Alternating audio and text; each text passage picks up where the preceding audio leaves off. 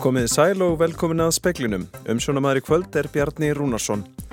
Appelsínugul veður viðvörun gengur í gildi á austfjörðum klukkan 7 vegna mikillar snjókomu. Reitur 14 var rýmdur að nýju á seyðisfyrði í dag. Viðbúðir er að færð spillist og hætta á snjóflóðum aukist. Hækka á tekjuskatt á fyrirtæki, hagraða í rekstri ríkistofnana og draga úr ofinberum framkvæmdum, samkvæmt fjármála áallun sem kynnt var í dag. Þingmenn úr nær öllum flokkum stjórnarandstöður lögðu í dag fram vantraust tillögu gegn Jóni Gunnarsinni dómsmálaráþra. Hann hafi með framgöngu sinni hindrað alþingi í störfum sínum. Tillagan verður tekin fyrir á alþingi á morgun. Yfirtaka svisneska bankan UBS á Credit Suisse er stærsti einstakki fjármálagerningur síðan í fjármálakrísunni 2008. Þetta segir stjórnarformaður UBS sem hefur ráðið tilbaka fyrverandi forstjóra til að leiða samrunnan. Hættusteg vegna snjóflóðahættu er enn í gildi í Neskjöpstað á Eskifyrði og Seyðisfyrði og óvissusteg á Östfyrðum og Östurlandi. Búist er við að hætta á snjóflóðum aukist með óveðri í kvöld og í nótt. Reytur 14 á seyðisferði var rýmdur að nýju í dag en óbreytt rýmingir á norðferði og eskifyrði aðsvo stöttu. Appelsínugul veður viðvörun tekur gildi á austfjörðum klukkan sjö vegna talsverðrar eða mikill að snjókomi. Hún er í gildi til miðnættis annað kvöld. Síðdegis á morgun bætist við önnur viðvörun vegna rigningar og asalháku á sömu slóðum. Viðbúið er á snjóflóða hætta aukist enn með veðrinu og allar líkur á að færð spillist. Almannavarni beina því til fólks að hafa sig hægt á meðan veðrið gengur yfir og huga niðurföllum áður en fer að hlána. Norðferðingar sem bú á rýmingarsvæðum fengu tækifæri til að fara heim til sín í dag og sækja nöðsinjar áður en veður versnar á ný. Rósadögg Þórstóttir er í björgunarsveitinni Gerpi sem fylgdi fólki inn á rýmingarsvæði. Já, fólk er að ná í gældirinn sín og liv og svona fórgásverkefni hefur farið með fyllt. Fólk hefur bara færið íla og er í fyllt björgunarsveitafólks á leðinni inn á sveðin, lókusveðin. Á sama tíma nýtti fólk færið og fór í búð fyrir næsta kveld. Grímur Magnússon og Sibille Guðmundsdóttir voru þar á meðal. Við þurftum að yfirgefa heimilu okkar og, og hérna þurfum að kaupinn bara á nýjastanum. Og þeir eru kannski líka að byrja ykkur upp, það er nú spáða vondu veðri. Einmitt. Við gerum ekki ráð fyrir að komast mikið á morgun sagði Sibilji Guðmundsdóttir. Rúnarsnær Reynisson talaði við hanna og Grím Magnússon, Elsa Maria Guðlaug Strífudóttir tók saman. Tekjuskattur fyrirtækja verður hækkaður um 1% stig úr 20% í 21% og álögur á rafbíla eigendur hækkaðar. Þetta kemur fram í fjármála áallun ríkistjórnarinnar til næstu 5 ára sem var kynnt fyrir skemstu. Þá er gert ráð fyrir auknum tekjum af veiðigjöldum samfara breytingum á fiskveiði stjórnunar kerfinu. Katrín Jákopsdóttir, forsættisáð þeirra, bóðaði einnig samdrátt í útgjöldum. Honum verður náð með sammenningu ríkistofnana og almennri hagræðingu, auk þess sem stórum framkvæmdun verður frestað. Þó ekki öllum. Nýr landsbítileg verður enn byggður samkvæmt áallun og ekki verður hróplað við samgönguframkvæmdum sem þegar eru á áallun, þar á meðal borgarlínu og nýri Ölfusárbrú. Nánar verður fjallað um fjármála áallun síðar í speiklinum. Þingmenn úr öllum stjórnarandstöðuflokkum nema miðflokki lögðu í dag fram vantraust tillögu á alþingi á Jón Gunnarsson dómsmálaráþra. Til hann er lögð fram vegna þess að Jón Gunnarsson hafi með framgöngu sinni hindrað alþingi í störfum sínum. Þóruldur Sunna Ævastóttir Þingflokksformaður Pírata er fyrsti flutningsmaður og hún segir brot Jóns graf alvarlegt. Simar Guimundsson í viðrest segir ráð þeirra sem hindri alþingi við störf verða að víkja. Til hann verður tekin fyrir á morgun. Þingmenn stjórnarnansstuðu hafa undanfarið sagt Jón Gunnarsson dómsmálar á þeirra hafa brotið þingskapalög þar sem hann hafi komið í vekk fyrir að alls er að nefnd fengi nöðsynlega gagg frá útlendingastofnun í tengslum við veitingu ríkisporgararéttar. Uppnám hefur ítrekkað orði vegna þessa á alþingi en þó tók steinin úr í gær þegar dómsmálar á þeirra í að því að einhverji nefndarmenn hefðu ágæft umsóknir um ríkisporgararétt fólks sem það tengdist með einum eða öðrum hætti.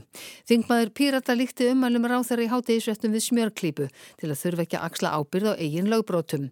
Tillagum vantraust var lögð fram í dag og fórseti alþingis fundaði með flötningsmönnum síðdeis til að fara yfir framgang málsins. Þórhildur Sunna Ævarstóttir Þingflokksformaður Pírata er fyrsti flötningsmöður tillagunar. Þessi tillaga snýst um það að ráþara sem brítur jafn freklega gegn upplýsingarétti almennings getur ekki má ekki og á ekki að njóta trösts þess sama alþingis. Þingræðisregla stjórnarskrárunar er skýr með þetta á meðan meiri hluti þings ver sinn ráðherra þá ber allur meiri hlutin ábyrð á ráðherrana, ekki bara flokksískinn ráðherrans. Ráðherra getur ekki valið eftir hvaða lögum hann ætlar að fara. Hann getur ekki skamtað alþingi upplýsingar af eigin geðþóta. Ráðherra á aldrei að hindra alþingi í störfun sínum. Ráðherra má aldrei hindra alþingi í störfun sínum. Ráðherra sem það gerir verður að víkja. Hæstvirtur ráðherra, hann gengur hér fram með geðþóttar ákvörðun og ákveðu það að hann sé hafinn yfir lög og reglur. Hér er enginn hafinn yfir lög og reglur. Hvorki hæstvirtur dómsmálaráðherra neð nokkurt annað okkar hér. Saði Inga Sæland, Sigmar Guðmundsson og Helga Vala Helgadóttir á undan henni, Jóhanna Veikti Sjalladóttir tók saman. Aðalmeðferð vegna morðs í Barðavogi fór fram í hérastómi Reykjavíkur í dag og heldur áfram á morgun. Sakborningurinn segir hinn látna hafa reynt að komast inn í íbúð til sín og verið ógnandi. Lauragla segir sakborningin hafa verið ábyrjandi rólegan eftir atbyrðin. Magnús Aron Magnússon er ákjærður fyrir að hafa ráðist á nágranna sinn í Barðavogi í Reykjavík og veitt honum svo mikla áverka að hann let lífið. Hann er meðal annars sagður hafa sparkað og traðkað margsinnis á höfði og brjóstkassa mannsins. Maðurinn Gilvi Bergmann Heimisson lést sankant ákæru að völdum höfuð áverka og áverka í andliti sem torvelduðu öndun. Magnús sagði í skýslutöku fyrir dómi í dag að hinn látni hefði bankað upp á hjá sér og reynda að riðjast inn í íbúðina. Maðurinn hefði verið æstur og ógnandi. Þeir hefðu farið að slást og riskingarnar leitt þá niður tröppur stigagangsins. Magnús hefði þá ítt manninum út og að endingu kiltan þannig að hann rótaðist og fjalli í jörðina. Magnús var margsaga um atbyrðarásina í skýrslutöku og fyrir dómi. Í dag hafnaði hann því að hafa kýlt eða sparkað í mannin eftir að hann fjalli í jörðina en í skýrslutöku viðurkendan hins vegar að hafa ítrekað sleið og sparkað í höfu mannsins þar sem hann lág á jörðinni. Þá lístu vittni að hafa séð Magnús sparka í liggjandi mann. Í vitnaleðslum í dag lístu nokkri lauruglumenn Magnúsi sem mjög rólegum eftir atbyrðin. Eitt lauruglumadur sagðan hugsanlega hafa verið ofrólegan með að við aðstæður og hann hefði ekki sínt sérstaka eftir sjá. Lauruglukona hjá tæknideild sagði augljóst með að við ummerki að miklu afli hefði verið beitt í höggum í höfuð mannsins. Nágranni sem bjó í sama húsi og Magnús og hinn látni segir Magnús hafa ráðist fyrirvaralöst á sig stuttu fyrir morðið. Hann hafi líst yfir miklum áhyggjum af ástandi Magnúsar við lauröklu en gefið hafi verið í skin að hann væri að gera of mikið úr málinu. Gunnhildur Kjærólf Birgisdóttir saði frá. Stjórnarformaður Svisneska bankans UBS segir mikla áhættu fólkna í yfirtökunu á Credit Suisse bankanum sem hann segir stærsta fjármálagerning frá hruni. Fyrirverandi bankastjóri í UBS hefur verið fengin aftur til starfa til þess að stýra samrunanum. Kolm Kelleher, stjórnarformaður UBS, segir að það sé mat stjórnar bankans að Sergio Ermotti sem stýriði UBS í nýja ár til ásins 2020 sé betur til þess fallin að leiða þennan stærsta fjármálagerning frá hrunni til lykta en Ralf Hammers sem dreigur sér í hlið. Þar síðustu helgi sátu stjórnvöld í Sviss, fjármála eftirlit landsins, Svissneski Sælabankin og fulltrúar frá UBS og Credit Suisse á marathón fundum og reyndu að koma síðanemda bankanum fyrir vind, enda fyrir séð að bankin reyndi við næstu opnun markaða. Úrvarð 3,25 miljardar dollara yfirtaka UBS á hennum 167 ára gamla sögufræga Credit Suisse banka. Kelleher segir að yfirtakan sé áhættusum fyrir UBS. Þó að UBS sé langsamlega starri en Credit Suisse eru bankarnir báðir kervislega mikilvægir á alþjóða vísu. Ég myndi segja, sagði Kelleher á bladamannafundi í morgun þar sem ráðning er motti var tilkynnt, að þetta væri starra en nokkur önnur viðskipti árið 2008 þar sem þetta er í fyrsta sinn sem tvö kervislega mikilvæg fyrirtæki á alþjóðavísu saminast. Framkvæm þessi fylur í sér mikla áhættu, sagði Kelleher. Vandræði Credit Suisse eru vel þekkt. Bankin hefur á undanförnum árum verið viðriðin mútumál og peningaþvætti sem svert hefur annars glæst orðspór hans. Og UBS er meðvitaður um þetta, segir Kelleher. Það sé greinilega víða að finna ómenningu innan Credit Suisse sem óæskilegt væri að smitaðist yfir til UBS. Hann segir það þó aðala loða við fjárfestinga hluta bankans á meðan viðskipta hluti bankans sé líklega nokkuð reytn og beitn. Otur Þorðarsson saði frá. Í dag var kynntur einn af staksteinum ríkis fjármáluna á ári hverju, fjármála áallun. Þar er hægt að sjá hvert stjórnvöld stefna með nokkuð ítalugum hætti í ríkisrekstrinum. Hennar hefur verið beðið með nokkuri eftirvæntingu í þetta skiptið. Því í henni sínir ríkistjórnin á spilin með hvaða hætti eigi að bregðast við í ríkisfjármálunum til að bregðast við verðbolgu og efnahagsvandanum sem við blasir. Markmið með fjármála áalluninni er að útfæra markmið um tekjur og gjöld hins opinbera og þróun þeirra.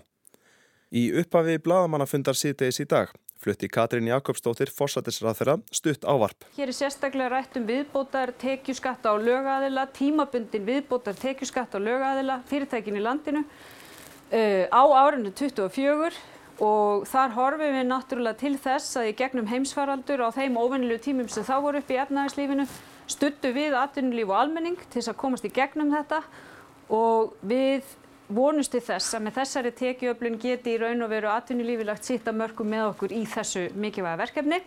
Að auki eru auðvitað ímiskonar önnur tekiöflun, ég nefndi hér gjöld á umferðin, ég vil líka nefna að gert er ráð fyrir hækkandi veiðegjöldum á áallinar tímabilinu í tengslum við þá vinnu sem matvælaráþurann stendur fyrir vegna uh, endurskoðunar á fiskveiðstjórnarkerfinu.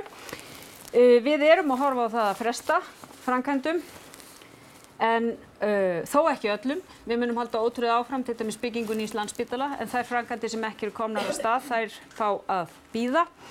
Við munum gera ráð fyrir hægræðingu í ríkisræstri, við erum að horfa á saminningarstofnana og almenna hægræðingu og síðast en ekki síst og það er kannski það sem ég langar að koma hér að að lokum og það er að við munum áfram standa vörðum tekju lægstuhópana Við munum uh, á þessu ári hækka örorkulífiri almannatrygginga til þess að verja þann hóp sérstaklega gegn verðbólgu líkt og við gerðum á, í fyrra og bóðum þannig verðbólgu vörð fyrir þannan hóp og þá vil ég sérstaklega nefna að á árinu 2025 er í þessari áallum gert ráð fyrir því að framlög uh, fari í heildar endurskoðun á almannatryggingakerfi örorkulífiristega. Það er mál sem við höfum verið að vinna að e, miklu lengur en þetta kjörtímabil, við erum búin að vinna þessu, já það hefur staðið verið vinna við þetta verkefni í mörg ár. Og undir mínu forsæti í ríkistjórn frá 2017 hefur staðið verið vinna í þetta verkefni. En þetta greiðslukerfi er inni í fjármálaáallunni frá árið 2025 og verður mikil breyting til bóta í að taka upp sangjarnara, gagsæra kerfi sem um leið tryggir afkomu þessa viðkvæma hóps. Sigurður Ingi Jóhansson innviðaráþra tók því næst til máls og saði að reynd sé eins og kostur er að verja fjárfestingar getur ríkisins til þess að áfram sé hægt að takast á við arðsemar fjárfestingar. Í því skinni nefnir hann landsbítalan, framkvæmdir í vegakerfinu, sem er að finna í samgangu áallun og verkefni betri samgangna félagsins sem meðal annars leggur borgarlínu. Orð hans verða varla skilin öðruðsi en að þessum framkvæmdum verði ekki senkað. Því næst tók Bjarni Benediktsson fjármálar að þeirra við. Við erum að, að, að horfa til þess að ná svona ákveðnum yfir markmiðum eins og hér hefur verið komið inn á að ná temprun verðbólgunar og þar líti ég þannig á að, að vandi okkar í dag er sá að við höfum aðeins tapað trú fólks á því að við náum tökum á verðbólgunni fram á við litið. Þetta verður að breytast og til þess þá hefur Selabanki verið að hækka vexti. Við þurfum að sína að við getum náða aftur endum saman á stöðva skuldasöfnu ríkisjós eins og stemt hefur verið að og það mun takast á þessum áallina tíma. Á sama tíma viljum við venda kaupmátt sem hefur vaksið mjög mikið og lífskjör í landinu og, og auðvitað er það þannig þegar er verið að horfa til framtíðar að, að við þurfum að tryggja að við sem að gera réttar hluti í dag til þess að byggja undir góð lífskjör í framtíðinni. Megin stefin okkar við uh, kynningu á þessari áallun það er að ná niður væntingum um verðbólgu inn í framtíðina, tempra verðbólgu með því. Eh, við viljum halda áfram að veita skjól og venda þá sem að verða fyrir mestum áhrifum af verðbólgunni en uh, mín skilabóð eru líka þau að eftir þennan mikla kaupmáttar vöxt og þá er rétt núna að leggja áherslu á að venda kaupmáttin umfram það uh, til skamstíma að reyna að sækja mikið meira. Uh, það er það mikil spenna í hagkerfinu og það er, uh, það er, uh, það er ekki merki um að það sé miklu meiru að dreifa til að sækja áfram fram við þessar aðstæður. Réttara er að, að sapna kröftum, ná aftur í apvægi og sækja fram frá þeim stað. Og við erum uh, sömu leiðis í þessari áallun að, að sá fræjum til framtíðar. Alexander Kristjánsson, fréttamaður, þú ert búin að dífa þér ofan í áallununa. Hvaða breytingar eru að sjá í áherslum ríkistjórnarinnar ef einhverjar? Þegar það sem þessi áallun beru auðvitað með sér er að þetta er ekki góðæris áallun. Efnaðarsumhverfið eru auðvitað gjörbreytt frá því síðasta áallun var kynnt í fyrra vor. Þá var verðbólka um 6% og, og stýrivextir innan við 3%. Í dag er hún rétt um 10% og stýrivextir er 7,5% eftir 12 hækkunin í röð.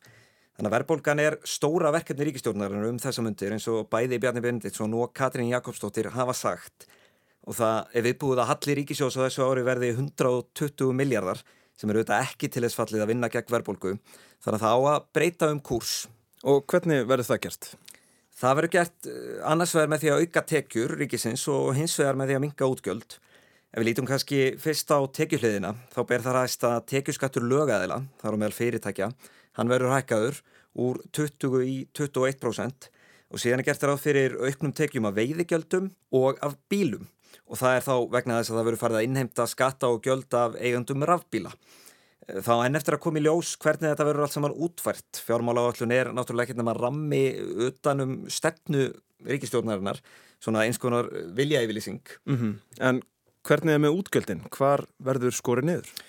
Svo fórsættisráð þeirra hefur alls ekki vilja nota orðið niðurskurð. Hún hefur talað um að velferðarkerfi er í varið og það er engin aðhalskrafa í helbriðiskerfinu til dæmis. En það á að ná fram ímiskonar hægraðingu og niðurskurði.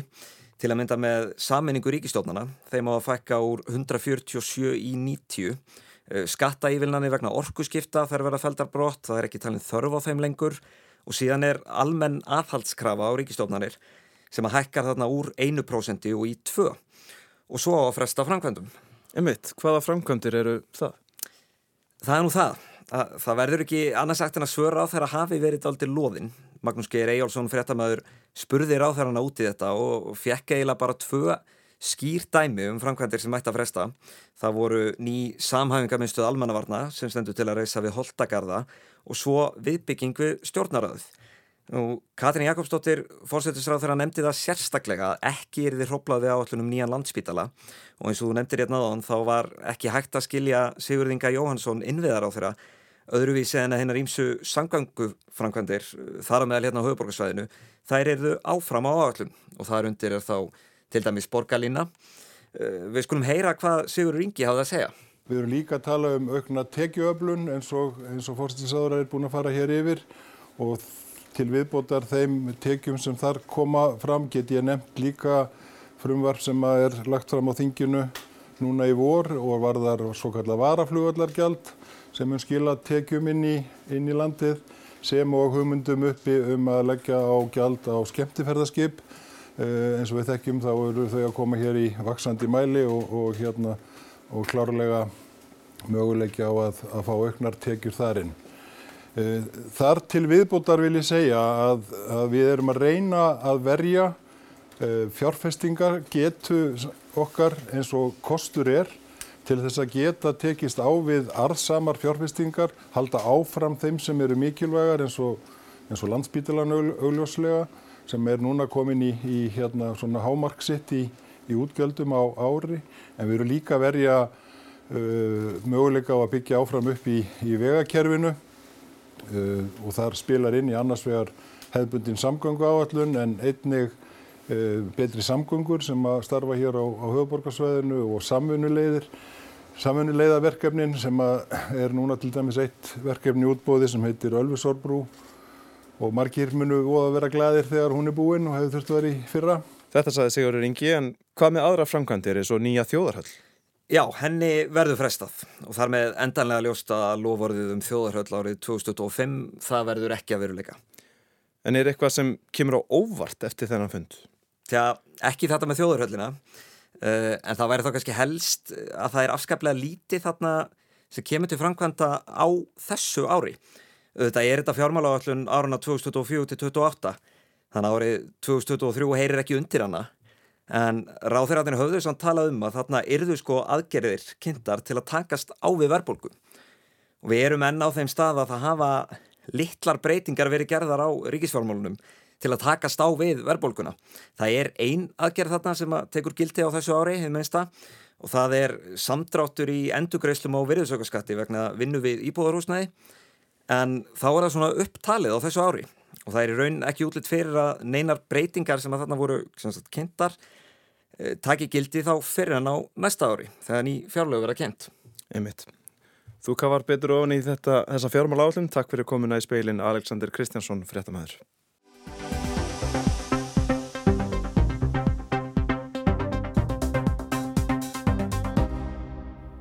Lilja Alfredsdóttir ráþeira ferðamála segist merkja aukin skilning innan Evropasambandsins á sjónarmiðum Íslands varðandi losunarheimildir í flugi og hún segir að Þísk stjórnvöld deili skoðunum Íslands hvað þetta mál varðar. Lilja var í Brussel í gæru og í dag þar sem hún átti fund með embatismönnum í framkvæmdastjórn ESB og tók einnig þátt í ráðstefnu flugfélaga sem haldinn var í borginni. Björn Malkvist, fréttamaður Rúf í Brussel, fyldist með þessari ráðstefnu og rætti við Lilju. Lilja, þú ert ekki fyrsti og þú ert sælur ekki síðastir á þeirra sem kemur hinga til að, til að tala þessu máli gagvart Evrópusnafnandinu. Finnst þér okkar sjónamið vera að fá einhvern hljóngu? Já, ég tel að sé vaksandi skilningur á efnahagslegu mikilvægi þess sem við erum að, að kynna. Þetta skiptir auðvitað gríðalegu máli varðandi samgöngur. Við erum í þeirri stöðu að við getum ekki nota lestir til að komast til Íslands og uh, það sem gerist í þessu ferli er að það, það, menn hafa ekki tekið tillit til þessara sérstöðu. Nú er sendiráðið og auðrækistjónustan og fleiri aðilar að kynna hana e, á mjög e, uppbyggilegan hátt og ég get ekki betur skinnjað en að það sé verið að hlusta og verið að reyna að finna lausnir á þessu máli. Sko við erum stöld hérna á ráðstöfnu flugfélaga í Evrópu. Það eru vantilega margir hér sem að svona, svona taka undir þín sjónamið og sérst, sjónamið Íslands. Þú hefur líka hitt sérst, hátt setta embætismenn hjá framkvæmtastjórn Evrópusambandsins. Hvernig vittökur færðu þar? Við höfum fengið góða vittökur og þegar við setjum þetta í þetta samhengi að þetta séum 14% landsframleyslu sem tengist flugiðnaði mikilvægi þess til þess að flytja út ferskan fisk og, og ferðarþjónustan og eitt og annað þá auðvitað hefur fólk skilning á mikilvægi, þessu þjóðhagslega mikilvægi málsins fyrir landið og það er auðvitað þannig og við þekkjum auðvitað sögu okkar mjög vel að ef Ísland einangrast, ég meina við þekkjum það nú hér á öldum áður, þá eru bara lífskjör ekki eins góð og uh, ég tel að Ég tel að þetta sé nú að koma en þetta er það stórt mál að við verðum að fá breytingar á þessu. Og það segir þið skýrum orðum hér eða hvað? Mjög skýrum. Uh, bara eitt í viðbót, sko, Katrín Jakobsdóttir fórsættisráður skrifaði nýlega bref til fórsætta frangvandástöfur ESB einmitt, bara um þetta koma, og kom þessum sjónamöðum á framfæri. Svarbrefið var byrt nýlega í íslenskum fjölmiðlum.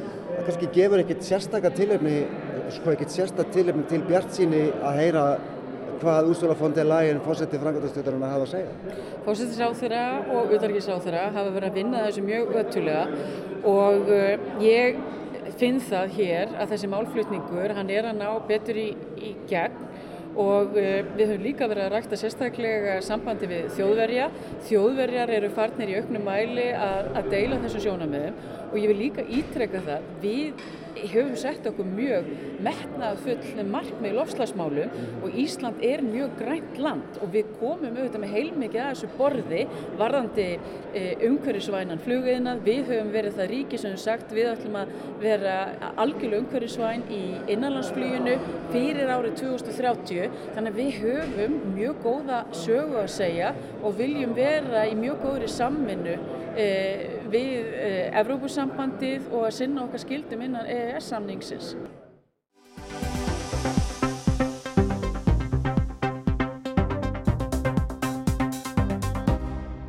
Vladimir Putin, Rúslands fórseti, kann að fá öflugan keppinaut þegar hann sækist eftir endurkjöri í mars á næsta ári. Sérfræðingar hugveitunar Institute for the Study of War eða ES2 í Vosindónborg draga þá álíktun í nýjustu uppfærslu sinni um gang einrásarinnar í Ukraínu að Jefgeni Príkásinn, stopnandi og stjórnandi Wagner, málaliðu hópsins, higgist bjóða sig fram gegn Putin. Þessa álíktun byggja sérfræðingarnir á viðtali við Príkósin sem byrtist fyrir mánuðinum í hans eigin fjölmiðli, Federal News Agency. Þar svaraðan spurningum bladamanna frá Russia Today, RIA Novosti og hans eigin miðli. Príkósin er einn ólíkarkana svo nefndu, rúsnænskra auðmanna sem urðu vel auðuýr eftir fall Sovjetríkjana og hafa verið í nánum tengslum við Putin forsetta. Hann styrir fjölda fyrirtækja og hefur verið uppnefndur kokkur Pútins þar sem hann á matsölustadi og veitingafyrirtæki sem sjá um veislur stjórnvalda í Kreml. Að sögn þeirra sem gerst þekka hafa Pútin og Príkósin verið trúnaðar vinir um langt skeið. Príkósin greindi frá því í september í fyrra að hann hefði stopnað Vagner málaðiða herrin árið 2014. Allt frá því hafa stjórnmálaskýrendur og greinendur vandlega fylst með pólitískri metorðagirind hans. Sjálfur hefur Príkósin vísað því á bug að hann sækist eftir áhrifum innan Kremlarmúra. Sérfræðingar ES2 hugveitunar segja aftur á móti að hann noti rúsneska fjölmiðla til að koma sér á framfæri sem hugsanlegum frambjóðanda í forsetakosningunum á næsta ári. Ment er á að í viðtalinu fyrir mánuðinum hafa hann stilt sér upp á sveipaðan hátt og Vladimir Putin gerir þegar hann mætir í viðtöl eða heitir almenna borgara sem aðstóðarmenn hans sjá alla jafna um að velja. Í úttækt hugveitunar á viðtalinu segir að hugsanlega hafi Evgeni Príkósin verið að gera góðlátlegt grínað fórsetanum með því að líka eftir uppstillingum hans. Allt eins líklegt sé þó að hann hafi verið að máta sig við ennbættið og sína að hann geti ekki síður gengt því en Vladimir Putin. Þessi stíli viðtalinu er mjög óvenjulegur fyrir príkósín. Myndatakan var þraung og hann satt við skrifborð anspænis áhorfendum rétt eins og Putin gerir venjulega. Venjulega mætir hann í viðtöl á vigvellinum eða annar staðar þar sem hann virkar kraftmikill og með bein í nefinu, jafnvel grottalegur og sjónpringurinn er víður, segir í úttæktinni á viðtalinu. Þá er á það myndað Príkósinn sagði kaltæðirnislega nokkrum dögum áður en viðtalið var tekið að hann ætlaði að bjóða sig fram til forsetta á næsta ári. Svo yfirlýsing hafi virst hafa verið sett fram í hálkæringi, hafi ymsir tekið mark á henni, þar á meðal virtur rúsnaskur fræðimaður sem ekki er nafngreindur í viðtalinu. Sjóana de Deus Pereira, sérfræðingur í baráttu gegn hriðjuverkum við bresku varnarmála hugveituna Royal United Services Institute, sagði nýverið í viðtali við bandaríska frettatímarið til Newsweek að í upphafi hafi tengsl Kremlverja og Wagner málaliðahersins verið við skiptalegs eðlis. Wagner liðar hefðu reynst rúsnarskum ráðamönnum ganglegir þegar ráðist var inn í Úkrænu. Eftir að Jefgani Príkósinn greindi frá því að hann stæði á bakvið hópin hefði andrumsloftið breyst. Það mátti greina í ræðu hans að þar fór maður með pólitískan metnað, segir Deus Pereira. Þessi metnaður hefur vaksið síðan og nú telja margir á aðstu stöðum að hann geti orðið þeim skeinuhættur. Deus Pereira segir að samskiptin millir Príkósinn og Kremlverja hafi farið á súrna fyrir alvöru þegar köpsíslumadurinn og stríðsherran fóru að gefa í skinn að hann var ekki einungis með hernaðarlegar lusnir á takteinum heldur einnig pólitískar. Miðað við yfirlýsingar hans og gaggrinni á ymsa aðstur ráðamenn væri augljóst að hann liti á sig sem hinn raunverulega varnarmálar á þeirra landsins eða að minnstakosti nógu mikinn valdamann sem ætti að verða launað við hæfi fyrir allt sem hann hefur áorkað fyrir föðurlandið. Ásker Tómasson saði frá. Veðrið, norðaustan og austan 15 til 23 metrar á sekundu siðst á landinu og regning með köplum. Austan 8 til 15 annar staðar og lengst af úrkomulítið á Norðurlandi hiti 1-6 stig en nálagt frostmarki um landið norð-austanvert. Talsverð slitta eða snjókoma austast á landinu í kvöld. Östlega 8-10-18 á morgun en hægari suð-vestanlands. Rigning eða slitta með köplum og hiti 2-10 stig en snjókoma norð-austan til með hita nálagt frostmarki. Áfram talsverð úrkoma austast á landinu. Og eins og kom fram í upphæðu speilsins er appelsínugul viðvörunni í gildi þar eða réttar sagt tekur gildi nú klukkan 7. Það er ekki fleira í speiklinum í kvöld. Tæknimaður var Magnús Stosteit Magnússon, frett átsendingu stjórnaði Margret Júlia Ingimarsdóttir. Njóti kvöldsins, verið sæl.